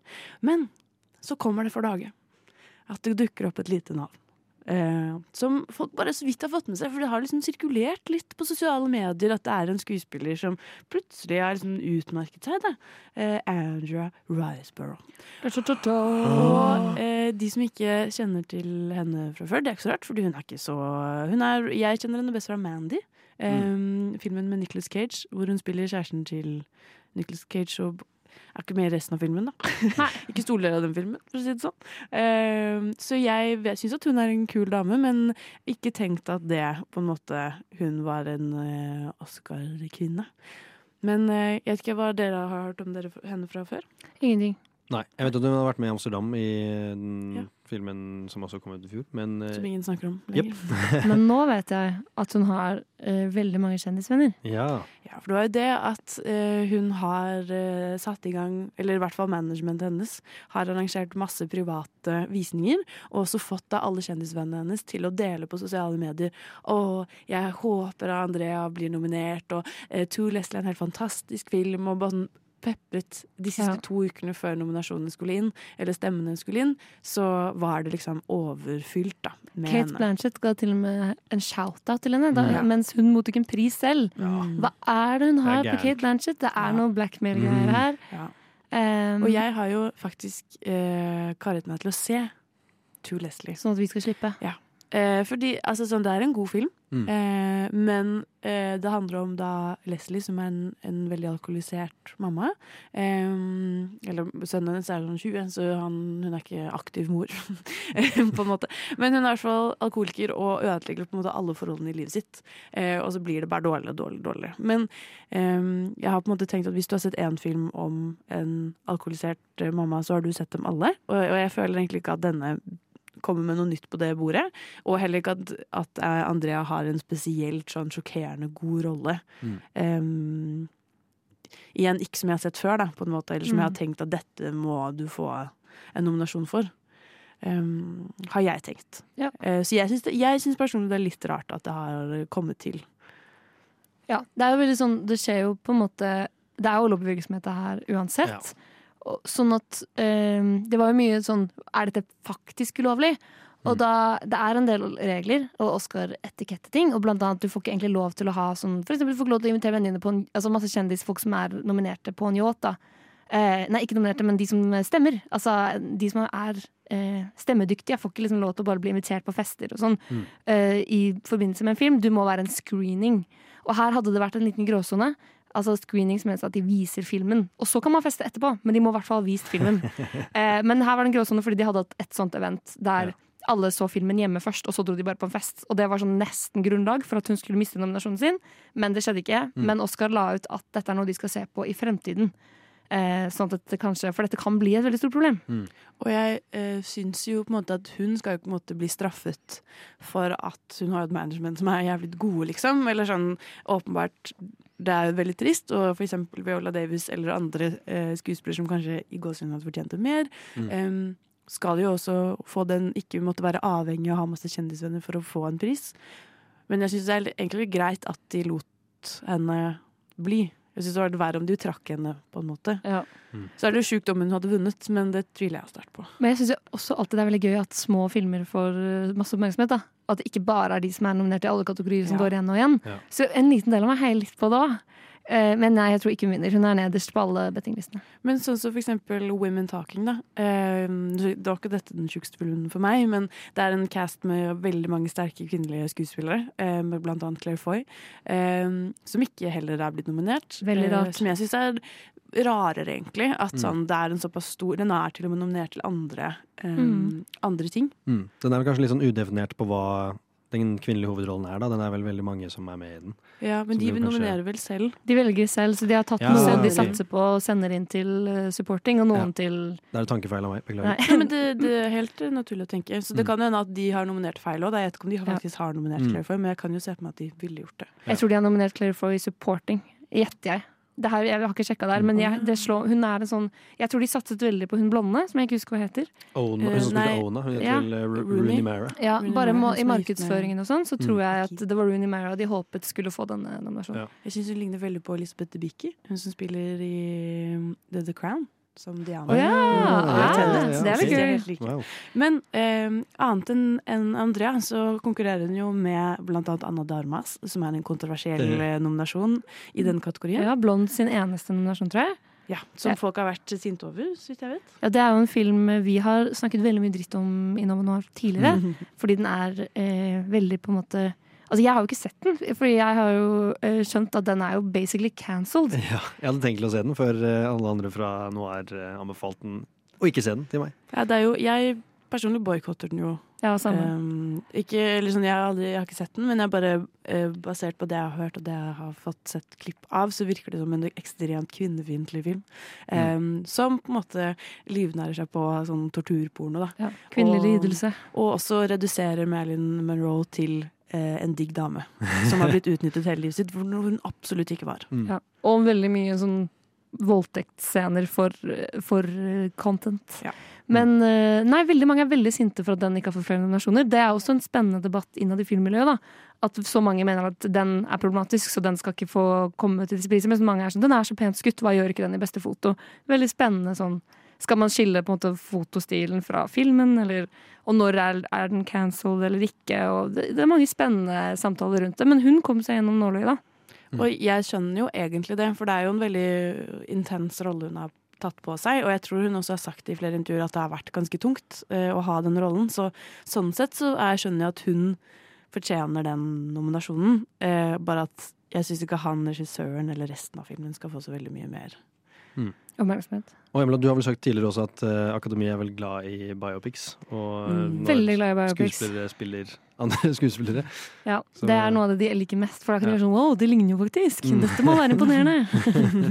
Men uh, nei, det, det, det jeg tror det står mellom, er Michelle Williams, Mm. uh, Michelle Yeoh og Kate Blanchett. Mm. Og jeg tror Jeg er veldig spent på om det blir eh, Kate Blanchett som tar den. Jeg tror det er, det er en skikkelig nail-biter for min del. Jeg syns det er en veldig god konkurranse, i hvert fall mellom Michelle Yeoh og Kate Blanchett. Ja, fordi Michelle Yeoh vant jo på BAFTA. Mm. Hun har vel vunnet nesten alt av Ja, eh, så hun har på en måte Nei, Kate Blanchett? BAFTA. Ja. Nei! Men Eh, eh, Kate, Kate? Blanchett vant Golden Vet du, Nå skal vi sjekke her. Du har helt rett. Du har helt ja, rett. Kate Blanchett eh, tok både BAFTA. Golden Globe og BAFTA. Wow. Men hun vant jo et uh, I hvert fall én Jeg har i hvert fall sett en tale hvor hun Da kan Ja. det ha vært Golden Globe, da. Michelle Yeoh, eh, stemmer det. Hvor hun var første asiatiske vinner. eh. Men da Ja. tror jeg det var Golden Globe i så fall. Men eh, Kate Nei, Blanchett tok i hvert fall BAFTAen. Det var ikke Golden Globe, for den vant også Kate Blanchett. Den gjorde det, ikke sant? Ja. Men da Det Kanskje det er lener Og bettinglistene bytter hele tiden, men den som ligger én på bettinglistene nå, er Kate Blanchett. Ja, det var Michelle Jovan på, på SAG, Screen Actors? Guild Awards. Det er nok de to det står mellom i realiteten, altså. Ja. Uh, Men det betyr sikkert at Michelle Yeoh vinner nå, da, siden jeg håper at Michelle Yeoh ja, vinner. altså jeg, jeg har ikke noe mot at hun vinner i det hele tatt, fordi hun hadde Hun bare, spilte så jævlig bra i Everything Ever All At Once. bare de, den første scenen hvor hun var i heisen, Ja. eh, og hun eh, liksom fikk den eh, Altså at hun eh, så den andre, de andre universene og sånn. Ja. Bare ansiktsuttrykket hennes etterpå. Jeg bare åh, damn! Altså, det var så bra! Ja. Det var så sjukt bra skuespill bare der. Første Det er akkurat det, og jeg tror eh, Jeg er helt overbevist om at Kate Blanchett på en måte leverer prestasjonen i sitt, av sitt liv. på en måte Men Michelle Yeoh i den filmen Den er så vanskelig fordi det er så mange sjangere. Og hun skal både være sår og humoristisk, og de bytter sånn liksom eh, Det er sinnssykt. Og hun gjør liksom slåssscener, og hun er en dame i 50-årene som gjør sine egne stunts. Det er så mange lag av imponerende at hvis ikke hun får den, så blir jeg faktisk sint. Men det er Kate Blanchett som ligger an til å få den nå på bettingen. Ja. Men jeg tror det blir Michelle Yeoh. Det hadde vært kjedelig hvis Kate fikk den, syns jeg. Enig. Jeg tror også Kate, for jeg elsker henne, Mm, eh, også ikke har et behov for å vinne den Oscaren. Det er sant. Sant, Kate? Hun får flere sjanser! Embla driver og har samtaler med Suya Kopla. Jeg og Kate Ja. har på daglig Hun anbefalte meg faktisk å se To Leslie Ja, her om dagen. gjorde. Ja. Eh, Hun sendte meg kopien i posten. Hun har fått BAFTAen. Jeg tenker da Ja. kan Michelle Yeoh Ja, få hun har også vunnet flere Oscarer før også. Hun har vant jo den Letterboxd-prisen også, for mest Ja. Most Watched, eller hva den var. ja, ikke sant? Hun trenger ikke flere. Nei. Ja. Så vi holder en knapp på, på Michelle. Mm. Eh, håper det. Men det er jo den eh, andre kategorien, eh, hoved, eh, hovedrolle for eh, mannlige skuespillere. Derfor uh, Karl Aksel Endelig litt ute på tes testosteronet Testo. sitt. Ja. My mama always said, Nova Noir was like a box of chocolates. You never know what you're gonna get. Og nå er det på tide å snakke om beste mannlige hovedrolle. Eh, og der er det mange forskjellige. Det er ikke like mye drama i den kategorien. da. En typisk kvinner, og at det skal være så mye eh, greier fram og tilbake der. Men hos mennene, der finner du eh, Austin Butler for Elvis. Wow. Eller Elvis Butler, som han eh, er bedre kjent som nå. Stakkars mann. Eh, Colin Farrell for eh, Banshees of Inisherin. Mm. Eh, Brendan Frazier eh, for The Whale. Paul Mascal for Aftersun. Og til slutt Bill Nye for Living. Uh, og her føler jeg Den eneste jeg ikke har så mye kjennskap til her, er Bill Nye. Ja. Uh, og jeg føler også han på en måte er et veldig sånn amerikansk fenomen. Mm. Jeg føler han er han er mye større i deres hjerter enn jeg forstår. Altså, Jeg har aldri tenkt på han som en veldig stor skuespiller, men han har bare blitt det. Mm. I hvert fall. Men eh, det er jo mye eh, forskjellige folk her. Eh, jeg føler jo at den som har blitt omtalt mest, er jo Brendan Frazier. Eh, vi nevnte jo comebacket hans i stad. Mm. Han har jo på en måte kommet tilbake ut av intet og liksom tatt Hollywood med storm, egentlig. Og kommet tilbake inn i varmen, og han får liksom en sånn helt sånn ny eh, status. Eh, så jeg føler at det hadde vært naturlig for han å få en Oscar nå. Ja. Som en slags unnskyldning for Ja. hva som har skjedd. Kanskje? Ja, jeg er ganske enig der. Mm. Eh, Jeg vil Jeg vil si at han, han gjør liksom en Oscar-verdig performance, men eh, Men helt ærlig så vil jeg egentlig ikke at han vinner. Nei, jeg er helt Eh, enig. Jeg vil ikke helt at han skal vinne. For Eh, han lener seg så veldig mye på kostyme. mm, eh, og liksom at han blir satt Han spiller jo en veldig veldig, veldig overvektig mann som holder på å dø av at han er så overvektig. mm. Og han sliter liksom med å gå, han sliter med å puste. Så han får jo veldig mye hjelp av liksom at han har en sviktende kropp. Mm. Og jeg føler det er veldig sånn Det blir veldig utenpå spill.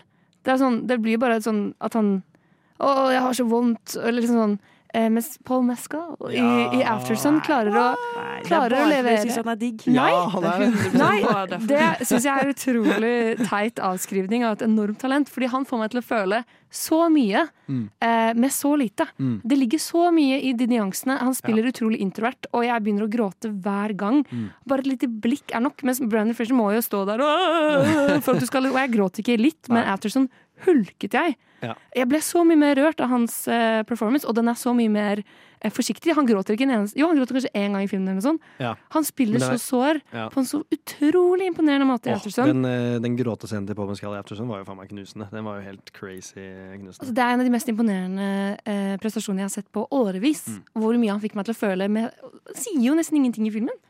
Og jeg, jeg, jeg skjønner eh, tanken, men bare for å slå et, siste slag for Brandon Frazier, da. At eh, Gary Oldman vant jo beste mannlige hovedrolle for noen år siden da han spilte Winston Churchill. Og det var heller ikke en sånn revolusjonerende rolle, men da husker jeg at det var veldig mange som snakket om Han har jo gått med så mye sånn eh, sminke i ansiktet, og gikk jo med masse sånn dobbelttaker for å røyket masse sigarer, og liksom fordervet jo kroppen sin for å bli Winston Churchill. Um, og jeg føler at det også taler til um, Brendan Frazier sitt på måte sånn, i gåsehudene offer da, for å kunne være den rollen han er i. Og at han også har vært veldig uttalt om det etterpå, sånn, hvor mye respekt han har for de som har den type kropp. Da. Og hvor mye de bærer på, hvor tøffe de er, og vært veldig sånn, opptatt av sånn Ja, jeg syns bare det var en veldig rotete og litt eh, sånn intetsigende film. Men det er, er det ikke det det handler om. Nei, jeg vet, det men, men det tar jo inn Jeg syns ikke hans performance klarte å redde det, da. Nei. Jeg vet det skal handle om han, men jeg, jeg ble ikke så rørt av han. Men jeg blir ikke sint hvis han vinner, for ja, det er liksom unnskyld comeback-pris, på en måte. Da, men er det det man skal gå etter òg? Mm. At sånn, Hollywood har vært kjipe mot han, så nå skal vi være sånn Gratulerer, du får være med i gjengen igjen. Han har hatt veldig mye mer suksess enn de fleste andre mennesker i verden. Jeg tror han kan vinne veldig mye bare pga. situasjonen han har blitt plassert i, og, så videre, og at han gjør en eh, jeg syns han gjør en god jobb i The Whale. Eh, Jeg likte performan- performancen hans ganske mye, men eh, ja, jeg syns situasjonen er kanskje det som gjør at han kanskje vinner her, egentlig. Som er litt trist. Litt grann. Ja. En som også har ofret veldig mye for sin rolle, er jo Austin Butler. Han ofret alt. Han har jo blitt eh, Elvis. Elvis. Elvis Presley incarnate. Eh, har jo mistet sin egen stemme. Eh, fordi han har jo bare forsvunnet inn i eh, Elvis sitt liv. Kan han spille noen andre roller nå, lurer Ja, jeg på? dessverre. La oss Det er håpe alt han han, ikke kan. gjør han det, kommer til å bli sånn prest i Las Vegas. Ja. Eh. Det er alt han kan gjøre nå. Jeg tror ikke noe på den historien om at Det er helt sant, jeg tror ikke noe på det. Jeg Nei, det er jo ikke sant. Han, har jo bare, han tuller jo bare. Men Nei, han nei, har nei. jo Jo, men det han kom, jo overdriver en, jo. det kommer jo en sånn sak nå om en sånn der, forskjellige sånn stemmeeksperter som uttalte seg om at han gjør det ikke med vilje. Det er liksom legitte grunner til at Utdannet, ved Livets harde skole. Han har bare pratet den så lenge at han har glemt hvordan han prater til vanlig. Det kan være- er jo ikke det at han har skadet stemmen Jo, men det var, noe, det var en sak som var noe sånn At det liksom sånn, han har ikke noe valg mer. Og det, Vanessa Hudgens, ekskjæresten hans, hadde kommentert sånn lol. Ja. I'm crying Men er det, under. er, det blir samme fenomen som hvis en, sånn, eh, en gutt som er sånn 13, som ikke liker stemmen din så veldig mye, liksom gjør den veldig mørk, og så blir den veldig sånn Altså, den blir jo ikke så mørkt, egentlig, men eh, det, det kan være samme fenomen. Jeg vet ikke. Det, Jo, men absolutt. men jeg, jeg tror ikke noe på det. da Det Nei. gjør jeg ikke. i det hele tatt Samme som at jeg ikke tror på en 13-åring som har så mye stemme. på en måte Det er litt samme med Og hvis det er det som skal til for å vinne en Oscar, Ja, da, da- meld meg det for oh, fuck out. Det vil jeg ikke mer. år. Men er det ikke det? Er det ikke alltid de der litt rare method acting-folka som vinner den prisen her? Jo da. Men Åsne Austin Butler har vel vunnet ganske mye tidligere? Han har vel vunnet, var det ikke BAFTA han vant? Og Golden Globes og Golden Globe. i denne kategorien. Så Elvis gjør det veldig bra der. Igjen, men jeg tenker, Hva er han der som vant for Bohemian Rhapsody, som spilte Freddie Mercury? Ja. Eh, Rami Malek. Ja. Litt samme greia. Ja. Og Joker, Joker, oh. Phoenix. Den fikk jo ingen andre. Men det var en kroppslig ting også. da. ja, men det er alltid kroppslige ting i mannlig-kategorien. De klarer ikke å se en de der. Det er derfor jeg er veldig imponert at Paul Mascal er her. Mm. Fordi de, oi, de anerkjenner noe annet enn det der at du skal endre kroppen din og bli en annen person. Fordi det er skuespill. Mm. Eh, jeg synes det, er, det har vært veldig deilig hvis det var noen som faktisk leverte noe annet enn å bare se Det ser ikke ut som han. Jeg Hva, vel, hva sier bettingene, da? Bettingene sier Austin Butler, ass. Nei, ja. Sånn 100% liksom? Nei, altså Førsteplass Austin Butler, andreplass Brendan Frazier. Men de bytter jo på. Det er en, og det her er bettingen fra forrige nok- uke. Det blir nok mellom de to. Det, Ja, det tror jeg også. Men jeg skal si at jeg tror det blir Paul Mescal, fordi Ja, jeg har lært at man må tro. det, ja. Og hvis jeg sier det høyt, så Manifestere det. Vi må manifestere det litt. jeg, Da driter jeg i hvem som Da kan Top Gun vinne beste film. For jeg vil bare at Du kan ikke ofre det! Jeg sier ofrer ikke ja til det. det er helt sjukt, faktisk. Fordi jeg syns det er så Det trist at Afterson bare har fått én nominasjon. for det var t- åpenbart årets beste film, og Ja. den skulle vært nominert i hvert fall i beste regi. Mm. Og eh, der sliter de jo tydeligvis med å putte inn kvinner. Det er jeg enig i. Beste regi. Mm. Men jeg tenker Embla skal få lov til å leve sin teenage dream eh, i hjørnet her, eh, mens vi hører den siste låten, og den som er eh, forventet å eh, vinne eh, årets låt. Eh, så vidt jeg vet, jeg har ikke sett filmen, men det er eh, RRR med låten Datu Datu. Er det riktig? Natu Natu. Natu Natu. Fuck. Der var Natu Natu. Ok. Og så skal vi på eh, beste klipp. Jeg lurer på kanskje vi må droppe den, jeg. mm. Nei, det er beste regi. Å nei, det er beste klipp. Jeg tror kanskje vi går rett på Den er ikke så spennende å prate om. Den er det! Den er kjempespennende å prate om. Hva er det du har å si der? Jeg har ingenting å si der. Men det er jo hele helheten av en film. Elvis. Den henger jo sammen med beste Nei, film. Vi har 20 minutter igjen. Greit. Men vi tar den eh, sammen med beste film, da. Beste film blir jo Fordi de henger helt sammen. Ja, okay, vi kan nevne nevne det. det i beste film. Ok, nå klapper jeg. Der hørte du eh, Natu Natu fra filmen RRR.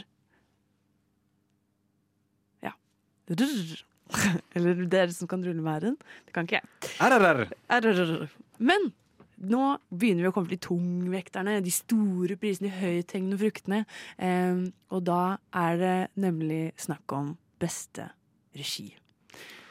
Det blir sånn avskrivende for alle skuespillerne at, at det er her tungvekterne kommer. Ja, eller sånn, vi var inne på det, men jeg føler liksom um... Vi har jo egentlig bare tatt med tungvekterne. Ja, OK, da. Jeg beklager. Kostyme, skål, score, VFX. De sitter alle og gråter. ja, unnskyld, det var ikke meningen å tråkke på noen tær. Eh, men regi er eh, en av de store prisene. Jeg er helt enig. Ja. Jeg bare sier at uh, Vi har allerede droppet halvparten av prisene i, fra denne sendingen. Ja. Jo, sånn sett. Nå det er krangler vi nå. Det er Bra kjekling. Men eh, i, eh, på regi eh, Går det bra, Embla? Ja, jeg bare prøver å slette den beste klippen. Det er fint. Det irriterer meg. Den kommer, bra. Den kommer til å bli ja. okay. I regi så finner man eh, Martin McDonagh for The Banshees of Inisherin. Um, du finner også Daniel Kwan. Ikke Daniel Kvammen, men Daniel Kwan. Og eh, Daniel eh, Scheinert for Everything Everywhere All At Once. The Fablemans, eh, av, eh, regissert av Steven Spielberg. Todd Field for Tar og Ruben Østlund for The Triangle of Sadness. Har du noen umiddelbare tanker, Karl Aksel?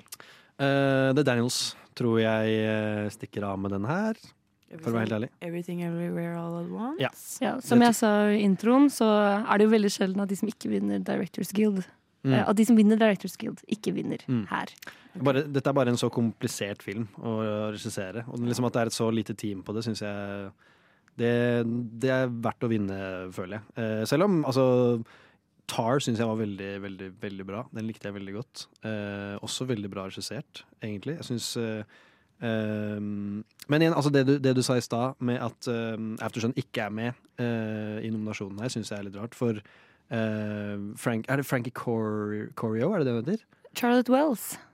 Nei, jeg mener eh, skuespilleren. Hun som oh, ja. spiller eh, Frank Jeg husker ikke hva Altså, ja, ja, hun Frank, hun heter Frank et eller annet. Men jeg syns hun var så god her, og hun må ha hatt liksom Altså, uh, Charlotte Walls må jo ha jobbet så sykt bra med hun Ja. i den filmen der, for hun var så jækla god i, eh, i Aftersun. Så um, Ikke for å ikke snakke om Paul Mescal.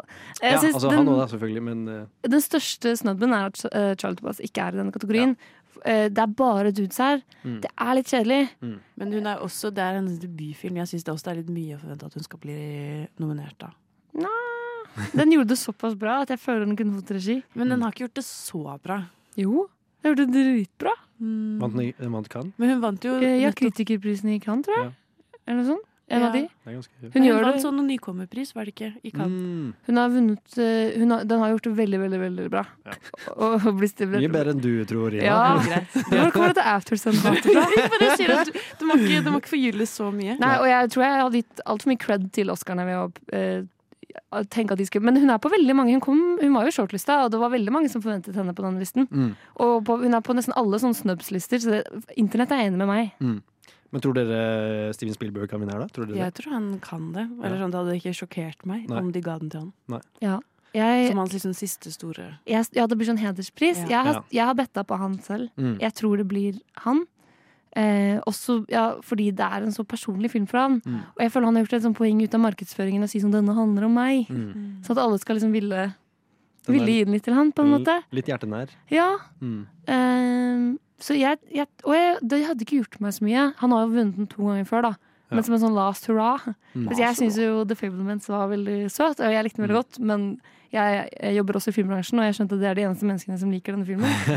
uh, men jeg ble veldig rørt av den, så jeg, jeg følte jeg ble litt bedre kjent med han. Mm. Nå skjønner jeg, nå er, vi, nå er det meg og Steven, på en måte. Vi er på fornavn. Dere er kolleger, tross alt. ja. Ja, Nei, hva sier bettinglisten, da? Er det Det er uh, The Daniels på første og Spielberg på andre. ja. Så det er jo okay. litt de det står mellom, da. Ja. Eh, Ruben Østlund på siste. Men dette kan jo bety at uh, Tar ikke kan vinne en eneste pris. Det kan det. Det kan- Hvis ikke Kate Blanchett tar den. Ja, Men det er jo det som er uh, the big question, the big Ja. Q. Nå vet Where's jeg ikke om dette stemmer, men jeg føler at det veldig sjelden er de som vinner i denne kategorien, som også vinner beste film. Mm. Det, beste regi pleier å være en liten sånn side, sidespor, sånn som uh, Jane Campion i fjor, med Power of the Dog. Mm. Så jeg tror, Derfor tror jeg Spielberg kan kanskje få denne, da. Og så kan hun jo vinne for musikk. Eh, for det er jo hun Hildur eh, Ja. som Ja. har vunnet mye. Eh, som også har lagd musikken til Tar. Så Mm. kan hende Tar vinner den. Har hun det? Hun har jo lagd Women Talking òg. Har hun ikke? Nei, kanskje jeg blander.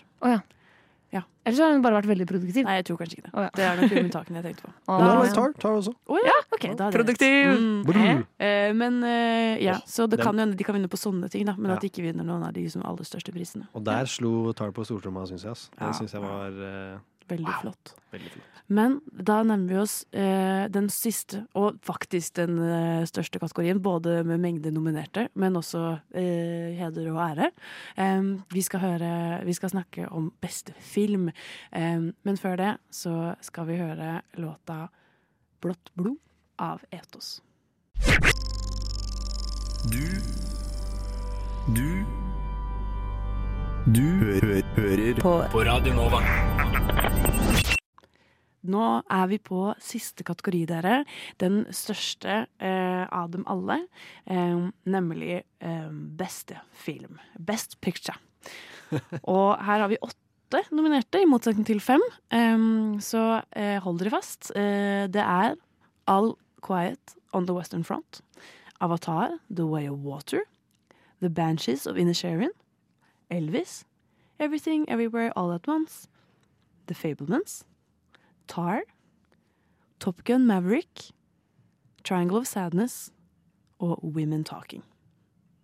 Så her er det mye å velge fra. Vi har vært innom de fleste. Eh, vi har ikke uh, vært på Avatar enda, for den er ikke nominert til så veldig mye annet heller. Nei, og vi har heller ikke snakket så mye om Top Gun, Mm. litt på manus. Nei, og det er jo kanskje bevisst, fordi jeg tror ingen i dette rommet har troen på at de Og jeg tror heller ikke bettinglisten har tro på at de skal uh, stikke av med noen pris. Eh, det som er litt skummelt på disse bettinglistene, eh, er at eh, Avatar er jo helt nederst. Det er veldig deilig. Så den er minst sannsynlig til å vinne. Men eh, skal vi se her Den som er nest mest, altså på andreplass på bettinglistene, er Top Gun. Nei! Og det syns jeg er litt skummelt. Den er litt farlig høyt oppe der, syns jeg. Jeg, jeg kan genuint ikke skjønne hvorfor. Men den, alle elsker den, som jeg ikke skjønner. Nei, jeg syns den var så kjedelig. Ja, men den Altså- var veldig kinohit, da. Ja, ja, det er sant. Den fikk folk til å dra på kino om sommeren. I hvert fall i Norge. Jeg vet ikke når den kom ut i Jo da, men det, Jo, jo. ja. Ja, Syke kinotall overalt. Ja, det er sant. Eh, veldig mange var sure for at Tom Cruise ikke var nominert til beste mannlige. og de mener at det er fordi han får den her. Og husk at um, for det jeg bare snakker litt om, er at beste film Mm. eh, er den eneste kategorien som stemmes på annerledes. Mm. Og der hvor alle får være med å stemme, ikke bare liksom, regissører eller fotografer. Det er hele gjengen. Mm. Og det er jo et sånt stemmesystem som gjør at det er den filmen flest har minst imot, som vinner. Mm. Så det er jo derfor ofte den mest på en måte, kommersielle Det er den første filmen som skal nå 50% av stemmene. Ja. Den må være på 50% av alles nummer én-liste okay. for å vinne. Uh, og de stemmer mange ganger. Så Mm. si at de stemmer én gang, ah, det er ingen er over 50% da stryker de den med minst stemmer, stemmer på nytt. Og det gjør de til én film får Ok. 50 og det er først da den kan bli uh, Og det er derfor ofte de litt sånn mid-filmene som på en måte ingen hater, men ingen elsker. Som på en måte Green Book og sånn vinner. Eller Ja. når det er sånn de filmene det året hvor det er skikkelig konsensus. Alle elsket denne filmen, Mm. som Parasite. Mm. Så du ser liksom den, der, den mest populære, faktisk, da. Som flest kan stille seg bak. Ja, da blir det jo brått Marvel eh, Maverick, da. Da- Eller Everything Everywhere. Ja, det er- den som er på førsteplass. tipper Den er jeg på førsteplass. Ja. Jeg håper ble- det blir den. Jeg blir veldig overrasket hvis ikke det blir den. Ja, fordi den liker jo fader meg nesten alle. Ja, og hvis Top Gun vinner over Everything Every Old One, så skjønner jeg faktisk genuint ingenting. Den er så, jeg, jeg likte den ikke i det hele tatt. Altså, det var nesten ingenting jeg likte med Top Gun Maverick. Det var eh, en skikkelig kjedelig film å se på, for det første. Altså, eller kule, kule praktiske effekter med fly og sånn, men det var liksom that's about it. Den var veldig kjedelig å se på på kino. Liksom. Ja. Og det er jo ikke noe handling i den heller. Det er jo, det er jo ikke en eneste antagonist, annet enn de liksom interne konfliktene som skjer mellom Det er akkurat samme historie fra første Top Gun liksom. Det er bare at uh, jeg flyr det flyet her, og du flyr det andre flyet, og nå skal vi se hvem som flyr best. Og så er det liksom hele konflikten egentlig som oppstår gjennom hele filmen. Dritkjedelig. Jeg skjønner ikke helt Ja. Ja, jeg syns det også det blir veldig kjedelig hvis den vinner. Mm. Eh, jeg er kanskje mest lei meg hvis Avatar vinner. Ja. Eh, for den syns jeg var så dårlig skrevet. Det var et krisedårlig manus. Um, men eh, jeg vet at mange tenker at liksom, hvis Oscar-utdelingen skal være relevant, så må det være de største kinofilmene som vinner her. Ja. Det er jo, men jeg er uenig. Du vil at Aftersun skulle vært nominert? ja! Hvis Aftersun hadde vunnet beste film, så hadde Mm. Oscar vært komplett.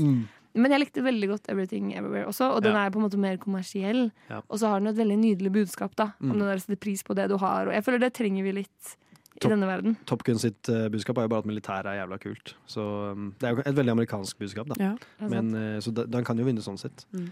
Men uh, utenom det så skjønner jeg ingenting. The Fablements er jo også litt sånn Ja. Nå har vi snakket nevnt The Fablemans og The Banches of Inisherin mange ganger i løpet av sendingen. Mm. Og vi har aldri sagt at vi liksom tror det blir dem sånn egentlig. Nei. De har vært sånn kanskje. Mm. De kan jo risikere å dra hjem uten noen ting. Ja. Eh, men tror dere de har noen sjanse her? Nei. Nei, tror ikke det?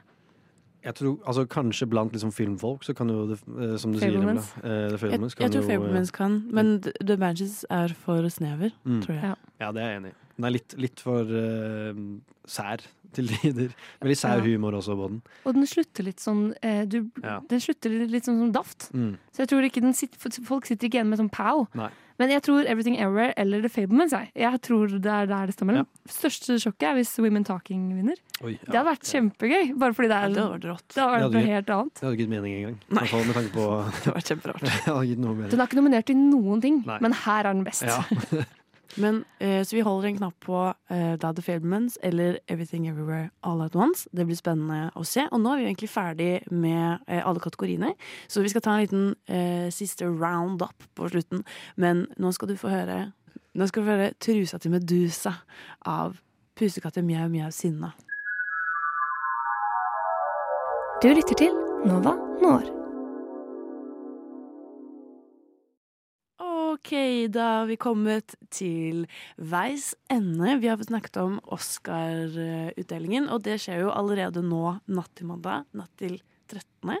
Og eh, vi skal jo også sitte oppe og eh, holde de som ønsker, med selskap eh, mens det skjer. I år så er det faktisk første gangen det er i Norge at det er mulig å se det et sted i Norge, nemlig på Disney pluss. Du trenger ingen VPN i år. Wow. Så takk for meg, eh, danske TV 2. Det har vært flott. Bye, bye, bye. Men, eh, så det blir veldig stas. Mm. Eh, vi gleder oss masse. Nå har vi fått litt predictions, så vi ser om de bettinglistene endrer seg nå, da. Ja. Eh, kanskje det er noen sjuke overraskelser. Mest sannsynlig blir vi sikkert veldig skuffet. Ja, og det er sykt mye vi ikke har rukket å snakke om. Mm. Eh, så det blir veldig deilig på Oscar å kunne snakke liksom ordentlig lenge gjennom hver kategori. Så lenge, hele natta, faktisk. Mm. Og bare å følge med på Instagram også, for vi kommer sikkert til å legge ut noen eh, hvor dere kan gjette litt, og hva dere tror på eh, blir Oscar-vinneren i år. Ja, det blir mye spennende, spennende so social media content. Hell yeah. Hvem vil dere si, hvem, Hvilken film tror dere vinner flest priser? Vi kan si det på kor, tror jeg. Ja, og jeg begynte. Unnskyld. Det. er det mulig? Ok, Er det mulig? En, to, tre. Everything everywhere all at once. Og vi sier det i kor. Ja, fantastisk. Da var vi Hvilken kjempekule. håper vi får minst priser? Tre, to. Ikke, Du kan ikke si det med en gang! Jeg kan ikke telle. Tre, to, én. Avatar! Avatar! Og Top Gun. Ja, det nå. Men eh, ja. Og unnskyld alle kategoriene vi ikke har snakket om i dag. Det er ikke fordi dere ikke er viktige, dere er bare minst kommersielle. Ja. og vi er en veldig kommersiell kanal som bare vil ha det kommersielle. Vi ville gjerne, men kanalen sa nei. Ja. Dere må bare snakke om de største. Egentlig hadde vi lyst til å snakke om kostyme i to timer, men Ja. det skjedde ikke. NFI vi venter på sponsor av dere. Ja. Kan jeg bare nevne en siste fun fact? Har vi tid til det? Ja. Og det er at uh, nesten ingen som vinner beste film, uh, er ikke nominert til klipp. Så hvis ikke du er nominert til klipp, så er det kjempelav sannsynlighet for at Mm. du vinner beste film, og da står det i praksis bare mellom Everything Everywhere og Top Gun. Oh. det er skummelt, det. Det er Banshees òg. Ja. Og Banshees lurer jeg på. Det har, vært, ja, det har vært litt sånn left field. Det har vært dritrart. Det var veldig gøy. det, Det har er bare skjedd fornøyd. sånn ti ganger i Oscar-historien at noen har vunnet beste film uten å være nominert til beste Mm. klipp. Elleve. Nei, altså det blir den elleve. Oh, ja. Jeg var sånn, oi, det, du kunne mye om det. Jeg har faktaene skrevet på håndleddet. Ja. Men eh, all right, da takker vi for oss. Det har vært skikkelig hyggelig Mhm. eh, å få kunne nerde litt. Jeg håper det har vært nyttig for du som, eh, deg som hørte på også. Eh, det har da vært meg, Ina Sletten, sammen med Karl Aksel Livi. Og Embla Aasland. Vi gir en ekstra klapp for Embla for sin første eh, teknikeroppdrag. Tusen takk. Jeg håper jeg har tatt det på. ass. Det er Ja. alltid den frykten. Vi får se. All right. Eh, takk for nå. Vi ses neste uke. Eller vi ses jo allerede på mandag. Wow. Wow, wow, wow. Ha det! Du lytter til Radio Nova.